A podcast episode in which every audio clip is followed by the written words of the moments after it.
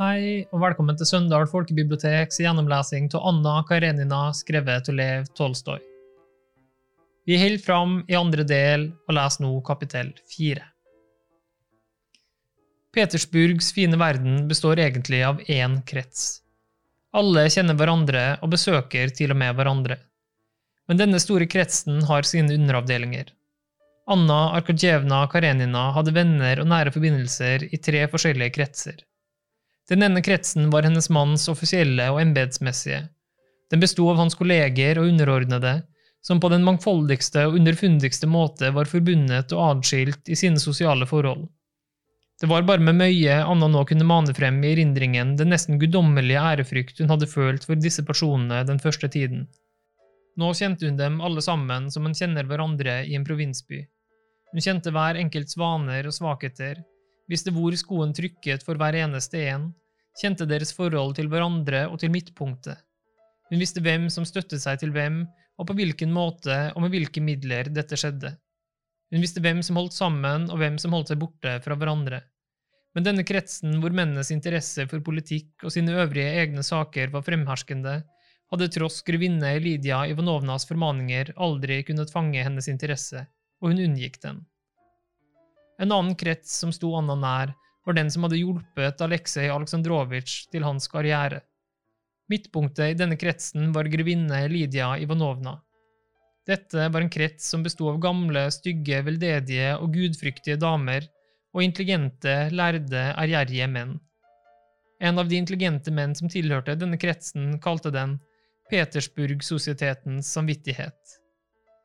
Aleksej Aleksandrovitsj satte denne kretsen meget høyt, og Anna, som var så flink til å komme godt overens med alle, fant den første tiden hun bodde i Petersburg, venner også i denne kretsen. Men nå, etter at hun var kommet tilbake fra Moskva, var denne kretsen blitt uutholdelig for henne. Hun syntes at både hun selv og alle de andre skapte seg, og hun syntes det var så kjedelig og vemmelig i dette selskapet at hun besøkte grevinne Lydia Ivanovna så lite som mulig. Den tredje og siste krets hvor hun hadde forbindelser, var den virkelige, fine verden. Ballenes, supenes og de strålende toaletters verden. Den verden som med sin ene hånd holdt fast i hoffet for ikke å synke ned til den demimond som kretsens medlemmer trodde de foraktet, men hvis smak ikke bare lignet, men helt falt sammen med deres egen. Forbindelsen med denne kretsen ble opprettholdt gjennom fyrstinne Betzy Tverskaja, gift med en fetter av henne som hadde en inntekt på 120 000, og hun hadde fattet en særlig kjærlighet for Anna like fra hun dukket opp i sosieteten, hadde vartet henne opp og forsøkt å trekke henne inn i sin krets. Grevinne Lydia Ivanovnas krets bare lo hun av. Når jeg blir gammel og stygg, skal jeg også bli slik, sa Betzy, men for dem, en ung, vakker kvinne, er det for tidlig å havne på dette gamlehjemmet. Til å begynne med hadde Anna unngått denne kretsen omkring fyrstinne Tverskaja så godt hun hadde kunnet, for den krevet utgifter som overgikk hennes midler, og innerst inne foretrakk hun også den første kretsen. Men etter reisen til Moskva ble det annerledes. Hun unngikk sine moralske venner og begynte å vise seg i den fine verden. Her traff hun Vronsky og følte en pirrende glede ved disse møtene. Særlig ofte møtte hun Vronsky hos Betzy, som var født Vronskaja og var en kusine av ham. Vronsky var overalt hvor han hadde den minste mulighet for å treffe Anna, og talte til henne om sin kjærlighet så ofte han kunne. Hun ga ham ikke anledning til noe som helst, men hver gang hun kom sammen med ham, flammet den samme følelsen av liv opp i sinnet hennes som var kommet over henne den gangen i jernbanevognen da hun så ham for første gang. Hun følte selv at når hun så ham, lyste gleden i øynene hennes og kruset leppene i et smil, og hun greide ikke å dempe dette gledesuttrykket. Til å begynne med hadde Anna trodd oppriktig at hun var misfornøyd med ham fordi han tillot seg å efterstrebe henne, men ikke lenge etter at hun var vendt tilbake fra Moskva, kom hun i et aftenselskap hvor hun trodde hun skulle treffe ham, men hvor han ikke var, og da forsto hun klart av den tungsindigheten som maktstjal henne, at det hadde vært et selvbedrag, og at denne efterstrebelsen ikke bare var alt annet enn ubehagelig, men at den endog var det eneste som interesserte henne i livet. Den berømte sangerinnen opptrådte for annen gang, og hele den fine verden var i teatret. Fra sin plass i første rad hadde Vronski fått øye på kusinen, og uten å vente til pausen gikk han opp i losjen til henne. Hvorfor kom de ikke til middag, sa hun. Jeg beundrer de forelskedes klarsyn, la hun til med et smil så bare han hørte det. Hun var der ikke, men kom efter operaen. Vronskij så spørrende på henne. Hun bøyet hodet, han takket henne med et smil og satte seg ved siden av henne. Og som jeg husker deres spott, fortsatte fyrstinne Betzy, som fant særlig behag i å følge denne lidenskapen frem til suksess. Hvor er det nå blitt av? De er fanget, kjære venn. Jeg har jo ikke noe annet ønske enn å bli fanget, svarte Vronskij med sitt rolige, godmodige smil. Hvis jeg klager, er det bare fordi jeg er så altfor lite fanget, når sant skal sies. Jeg begynner å miste håpet. Hva slags håp kan så de ha, sa Betzy og var fornærmet på venninnens vegne. Entendons nous? Men øynene hennes glimtet og røbet at hun meget vel forsto, og det akkurat som han selv gjorde det, hva slags håp han kunne gjøre seg. Intet, sa Vronskij og smilte så den tette tanngarden vistes. Unnskyld, la han til, tok teaterkikkerten ut av hånden hennes og ga seg til å studere losjeraden på den andre siden over den blottede skulderen hennes. Jeg er redd jeg begynner å bli latterlig. Han visste meget vel at i Betzys og hele det mondene selskaps øyne løp han ingen risiko for å bli latterlig. Han visste meget vel at i disse menneskenes øyne kunne rollen som en ugift pikes, eller i det hele tatt en fri kvinnes ulykkelige tilbeder, være latterlig, men en mann som la an på en gift kvinne, og uten tanke på følgende satset hele sitt liv på å forføre henne til hor, ville spille en rolle som hadde noe skjønt og majestetisk ved seg, og som aldri ville kunne bli komisk og derfor spilte det et stolt og muntert smil under mustasjen hans da han senket kikkerten og så på kusinen. Men hvorfor kom de ikke til middag, sa hun og nøt synet av ham. Det må jeg fortelle dem, jeg var opptatt, og med hva? Jeg vedder én mot hundre, mot tusen, de gjetter det ikke. Jeg forsøkte å megle mellom en ektemann og noen som hadde fornærmet hans kone. Jo, det er sant. Hva, og de fikk vel dem vel forlikte? Nesten. Det må De fortelle meg, sa hun og reiste seg. Kom i neste mellommakt. Dessverre, jeg skal i Det franske teater. Fra Christina Nilsson? spurte Betzy forferdet, hun som ikke for alt i verden ville kunne skille mellom Christina Nilsson og en hvilken som helst dame i koret. Men hva skal jeg gjøre, jeg har en avtale der, det er også noe i forbindelse med denne fredsmeglingen min. Salige er de fredsommelige, for de skal bli frelst, sa Betzy, som husket noe slikt hun hadde hørt et eller annet sted. Men sett dem nå og fortell hva det hele går ut på, og så satte hun seg igjen. Kapittel 5 Det er litt uanstendig, men det er så søtt at jeg har gruelig lyst til å fortelle det, sa Vronski og så på henne med leende øyne. Jeg skal ikke nevne navn, men jeg vil gjette meg frem, så meget bedre. Hør nå, det reiser to muntre unge menn, altså offiserer fra deres regiment. Jeg snakker ikke om offiserer, det er ganske enkelt to unge menn som har spist frokost. Oversett har drukket litt? Kanskje det. De er på vei til en kamerat for å spise middag og er i strålende humør. Og så ser de en vakker dame fare forbi i en drosje. Hun snur seg, og for dem i alle fall ser det ut som om hun nikker til dem og smiler de av gårde efter henne, naturligvis. Til deres store forbauselse stanser den skjønne ved inngangen til det samme huset de var på vei til. Den skjønne springer opp i annen etasje. De ser bare noen røde lepper under et kort slør og et par nydelige små føtter. De forteller så levende at jeg nesten tror de selv har vært en av disse to. Men hva var det de nettopp fortalte meg? Vel, de unge herrene kommer inn til kameraten, der er det avskjedsmiddag. Her drikker de kanskje vel mye, slik det alltid går på avskjedsmiddager, og under middagen forhører de seg om hvem det er som bor ovenpå i dette huset. Ingen vet det, og da de spør bor det mamseller ovenpå, så svarer vertens tjener at dem er det nok av her. Efter middagen finner de unge herrene veien inn til vertens arbeidsværelse og skriver et brev til en ukjente. De skrev et lidenskapelig brev, en kjærlighetserklæring, og så går de opp med brevet selv for å forklare de stedene som de mente ikke var helt forståelige i brevet. Hvorfor forteller de meg slike sjofle historier nå? De ringer. Ut kommer en pike, de leverer brevet og forsikrer piken at de er så forelsket at de ville falle døde om der i døren. Piken skjønner ingenting og parlamenterer med dem.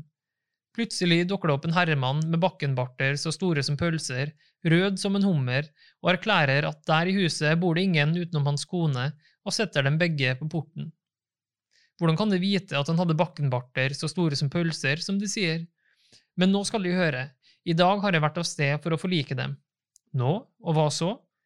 Nå kommer vi til det som virkelig er interessant. Det viser seg at det lykkelige paret er en titulærråd og en titulærrådinne. Titulærråden inngir klage, og jeg blir fredsmegler. Og for en fredsmegler! Jeg forsikrer dem, Talleyrand er ingenting i sammenligning med meg. Men hva er det da som er så vanskelig? Jo, hør nå efter. Vi fremførte vår unnskyldning efter alle kunstens regler. Vi er fortvilet, vi ber dem tilgi denne ulykksalige misforståelsen. Titulærråden med pølsene begynner å smelte, men han vil også gi uttrykk for sine følelser, og ikke før begynner han å uttrykke dem, så blir han hissig og begynner å komme med grovheter, og så må jeg sette alle mine diplomatiske talenter inn igjen. Jeg er enig i at deres oppførsel har vært mindre bra, men jeg ber dem ta hensyn til misforståelsen, at herrene er unge, dessuten hadde de bare spist frokost. De forstår, de angrer av hele sitt hjerte og ber dem tilgi deres skyld. Igjen blir titulærråden myk. Jeg er enig, greve, og jeg er rede til å tilgi, men de forstår, når min kone, min kone, en ærbar kvinne, blir utsatt for efterstrebelser, grovheter og fornærmelser fra noen jyplinger, noen slyng… Men så forstår de, er denne jyplingen til stede, og jeg må forlike dem. Igjen setter jeg diplomatiet i sving, og igjen, just som jeg ser enden på saken, hisser titulærråden min seg opp og blir rød. Pølsene løfter seg, og igjen fortaper jeg meg i diplomatiske spissfindigheter. Åh, det må jeg fortelle dem, lo Betzy og vendte seg mot en dame som kom inn i losjen hennes, han har moret meg så. Vel, Bon chance, la hun til og ga Vronski en finger hun ikke trengte for å holde viften, og med en skulderbevegelse senket hun kjolelivet som hadde heist seg opp, for å være helt bar som seg hør og bør da hun gikk frem til rampen, til gasslyset og til alles blikk. Vronskij reiste til det franske teater, hvor hun virkelig skulle treffe regimentsjefen, som aldri gikk glipp av noen forestilling i det franske teater, for å drøfte sin megleroppgave, som alt hadde opptatt og moret ham to hele dager. I denne saken var Petritskij, som han var glad i, innblandet. Dessuten en annen kjekk kar og grei kamerat som nettopp var trådt inn i regimentet, den unge fyrst Kedrov men hovedsaken var at her var regimentets interesser blandet inn. Begge sto i Vronskis eskadron. Til regimentsjefen kom så en embetsmann, titulærråd Venden, med klage på noen av hans offiserer som hadde fornærmet hans kone. Hans unge kone fortalte Venden, han hadde vært gift et halvt år, hadde vært i kirken med sin mor og hadde plutselig følt seg uvel av en viss grunn, hadde ikke kunnet stå lenger og var reist hjem med den første drosjen hun kom over. Her hadde offiserene sett efter henne, hun var blitt skremt og var blitt enda dårligere da hun løp opp trappen og inn til seg selv. Venden selv, som var kommet hjem fra kontoret, hadde hørt klokken ringe og noen som snakket, og da han kom ut, så han noen drukne offiserer med et brev og skjøv dem ut. Han ba om at de måtte bli strengt straffet. Nei, de kan si hva de vil, hadde regimentsjefen sagt til Bronskij, som han hadde tilkalt. Petritskij begynner å bli umulig. Det går ikke en uke uten en eller annen historie. Denne embetsmannen lar ikke saken falle, han går nok videre med den. Vronskij forsto at det var en skitten affære hvor det ikke kunne bli tale om duell, men at alt måtte gjøres for å blidgjøre titulærråden og dysse saken ned. Regimentsjefen hadde tilkalt Bronski nettopp fordi han kjente ham som en edel og forstandig mann, og, det var hovedsaken, som en mann som satte regimentets ære høyt. De hadde snakket frem og tilbake og var kommet frem til at Betritskij og Kedrov måtte reise sammen med Vronskij til denne titulærråden for å be om unnskyldning. Både regimentsjefen og Vronskij hadde forstått at navnet Vronskij og fløyadjutant Snoren måtte være til god hjelp når titulærråden skulle bløtgjøres. Og sant nok, disse to midlene viste seg delvis virksomme, men resultatet av fredsmeglingen var fortsatt tvilsomt, som også Vronskij fortalte.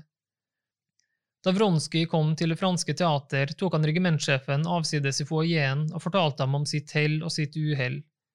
Regimentsjefen tenkte det hele igjennom og bestemte seg for å legge saken til side uten videre forføyninger. Men etterpå begynte han for moro skyld å spørre Vronskij ut om enkelthetene ved møtet med titulærråden, og greide lenge ikke å styre latteren, der han hørte Vronskij fortelle om hvordan titulærråden plutselig ble hissig igjen da han husket sakens detaljer, og hvordan Vronskij manøvrerte da det bare gjensto et halvt ord før forsoningen, for så å retirere mens han skjøv Petritskij foran seg. Historien er stygg, men man kan jo le seg fordervet av den. Kan ikke Kedrov duellere med denne herremannen? Ble han virkelig så hissig? spurte han opp igjen og lo. Men hvordan er det med Claire i dag? Hun er vidunderlig, sa han om en ny fransk skuespillerinne. De kan se henne hvor ofte de vil, hun er ny for hver dag. Slik er det bare franskmennene som makter. Kapittel 6 Fyrstinne Betzy reiste hjem fra teatret uten å vente til siste akt var slutt. Hun rakk så vidt å komme inn på toalettet og drysse pudder i det lange, bleke ansiktet sitt, tørke det, rette på frisyren og gi beskjed om at teen skulle serveres i den store salongen, før den ene vognen efter den andre kjørte frem foran hennes svære hus i Store Sjøgate. Gjestene steg av på den store trappen, og den tykke portieren som om morgenen pleide å sitte bak glassdøren og lese aviser til de forbipasserendes oppbyggelse, åpnet nå denne veldige døren uten en lyd og slapp dem som var kommet, inn. Nesten samtidig kom vertinnen med oppfrisket frisyre gjennom en dør, og gjestene gjennom en annen, inn i den store salongen med de mørke veggene. De lodne teppene og det klart opplyste bordet, hvor det glitret av lysene i den hvite duken, i sølvsamovaren og i teservisets gjennomskinnelige porselen. Vertinnen satte seg ved samovaren og tok av seg hanskene.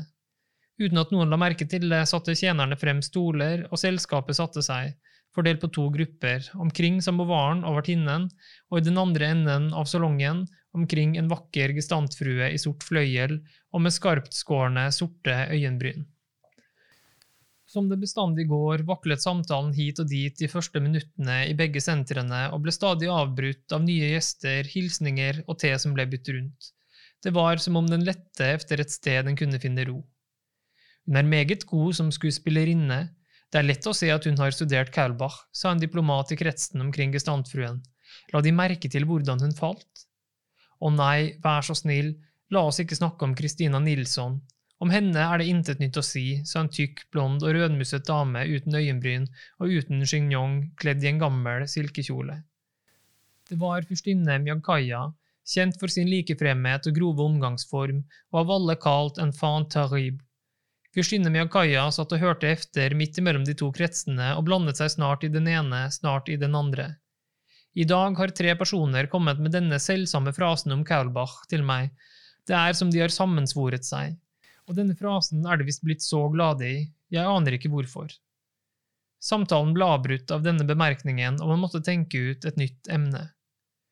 Fortell oss noe morsomt, men ikke ondskapsfullt, sa gestantfruen, som var en sann mester i elegant konversasjon, det som engelskmennene kaller smalltalk, og vendte seg mot diplomaten, som heller ikke visste hva de skulle begynne å snakke om nå. Det skal jo være meget vanskelig, sies det, da bare det som er ondskapsfullt også er morsomt, begynte han med et smil, men jeg skal prøve. Gi meg et tema. Temaet betyr alt. Har jeg først et tema, er det ingen sak å utbrodere det. Jeg har ofte tenkt på at de berømte kåsører fra forrige århundre ville hatt vanskeligheter med å snakke fornuftig i dag, man er blitt så lei av all fornuften. Den har jeg hørt før, avbrøt gestantfruen ham med et smil. Samtalen var begynt pent, men nettopp fordi den var så altfor pen, stanset den opp igjen. Man måtte ty til det sikre middel som aldri slo feil, baktalelse. Synes du ikke at det er noe av Louis Quas Vetuskevitsj, sa han og viste med øynene på en kjekk, blond ung mann som sto ved bordet. Jo visst, han står i stil til salongen, det er derfor han er her så ofte. Denne samtalen holdt seg gående fordi man i hentydninger snakket nettopp om det som ikke måtte nevnes i denne salongen, nemlig om Tuskevitsjs forhold til vertinnen. Omkring samovaren og vertinnen var det godt likedan. Samtalen hadde først noen tid vaklet mellom de tre faste temaene, siste sosietetsnytt, teatret og fordømmelse av nesten. Også her hadde den festnet seg da den kom til det siste emnet, altså baktalelsen. Har De hørt at hos maltistsjefs syr moren, ikke datteren, altså. Et kostyme Diable Rose? Det er ikke sant. Nei, det skal bli nydelig. Jeg begriper ikke at hun med sin forstand, hun er jo ikke dum, ikke ser at hun vil bli til latter. Alle og enhver hadde noe ondskapsfullt og vittig å si om den arme fru Maltistsjeva, og samtalen spraket muntert som et flammende bål. Fyrstinne Betzys mann, en godmodig, tykksak og lidenskapelig kobberstikksamler, hadde vært rede på at konen hadde gjester, og gikk innom salongen før han dro i klubben. Lydløst gikk han over det myke teppet bort til fyrstinne Mjagkaya. Hvordan likte De Christina Nilsson, sa han. Å, går det virkelig an å lure seg slik inn på folk? Som de skremte meg, svarte hun. Vær så snill, snakk ikke opera med meg. De har ingen forstand på musikk. Det er bedre at jeg stiger ned til deres nivå og snakker med dem om majolikaene og stikkene deres. Nå, hva var det så for en skatt de nylig kjøpte på loppemarkedet? Vil de se den? Men de forstår dem ikke på den slags. La meg få se. Jeg har lært av disse, hva er det nå de heter, bankierene. De har nydelige stikk. De lot oss få se. Hva, har du vært hos Schutzburg? spurte vertinnen borte fra samovaren. Ja, ma chère. De ba min mann og meg til middag, og det ble meg fortalt at sausen til denne middagen hadde kostet 1000 rubler, sa fyrstinne Miyagaya høyt. Hun merket at alle hørte på henne, og det var en ordentlig ekkel saus, noe grunt noe. Så måtte jeg jo be dem, og jeg laget en saus til 85 kopek, og alle var riktig fornøyde. Jeg kan ikke lage sauser til 1000 rubler. Hun er enestående, sa vertinnen. Vidunderlig, sa en annen. Effekten av fyrstinne Miyakayas fortellinger var bestandig den samme, og hemmeligheten ved denne effekten var at hun sa enkle ting med mening i, selv om det ikke var så helt apropos, slik som denne gangen. I det miljøet hvor hun levet, hadde slike ord samme virkning som den aller vittigste spøk. Fyrstinne Miyakaya kunne ikke begripe hvorfor det hun sa, gjorde slik virkning, men hun visste om denne virkningen og benyttet seg av den. Under fyrstinne Miyakayas fortelling hadde alle lyttet til henne. Samtalen omkring gestantfruen var stanset opp, og nå ville vertinnen binde selskapet sammen til et hele og henvendte seg til gestantfruen. Er det sant at de ikke vil ha te? De skulle komme hit til oss? Nei, vi sitter så godt her, svarte gestantfruen med et smil og fortsatte den samtalen som alt var påbegynt. Samtalen var meget behagelig. De snakket ondt om Karenins, både konen og mannen. Anna har forandret seg svært siden sin Moskva-reise. Det er noe besynderlig ved henne, sa en venninne av henne. Hovedforandringen er at hun har brakt med seg Aleksej Vronskijs skygge, sa gestantfruen. Nei, jaså. Hos Grim er det et eventyr. En mann uten skygge. En mann har mistet skyggen sin. Og det er en straff for et eller annet. Jeg har aldri kunnet forstå hvorfor det skulle være noen straff. Men for en kvinne må det jo være ubehagelig ikke å ha noen skygge. Ja, men kvinner med skygge pleier jo å få en sørgelig ende, sa Annas venninne. Vokt deres tunge, sa plutselig fyrstinne Miyakaya, som hadde hørt disse ordene. Fru Karenina er en herlig kvinne. Mannen liker jeg ikke, men henne setter jeg stor pris på. Hvorfor liker de ikke mannen? Han er slikt et vidunderlig menneske, sa gestantfruen. Min mann sier at slike statsmenn er det ikke mange av ute i Europa.